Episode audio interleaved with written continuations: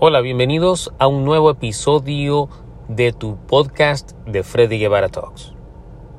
Hoy continuamos con la serie de citas de liderazgo y hoy te tengo una cita de Eleanor Roosevelt que dice, la filosofía de uno no se expresa mejor con palabras, se expresa en las elecciones que uno hace.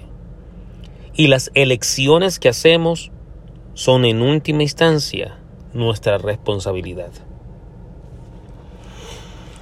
Esto, esta, esta cita de Eleanor Roosevelt nos invita a reflexionar de que el liderazgo, de que el liderazgo es acerca de elecciones y sobre todo que tú puedes descubrir la forma de pensar, la filosofía de un líder a través de sus elecciones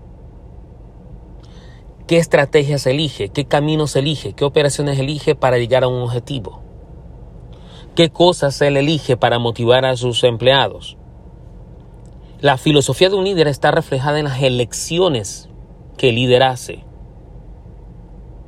Y si quieres conocer la verdadera marca de un líder, es cuando toma responsabilidad de los resultados de esas elecciones, sean buenas o malas. No importa si es bueno o malo el resultado, si el líder toma la responsabilidad de eso porque fueron sus elecciones, esa es la verdadera marca de un líder real, de un líder efectivo, de un líder verdadero. Entonces hoy aprendemos con esta cita de Eleanor Roosevelt que el liderazgo es fácil encontrarle la filosofía y su pensamiento de un líder a través de sus elecciones y a través de la responsabilidad que él tenga con los resultados de esas elecciones. Entonces, ¿te conviertes tú en un verdadero líder?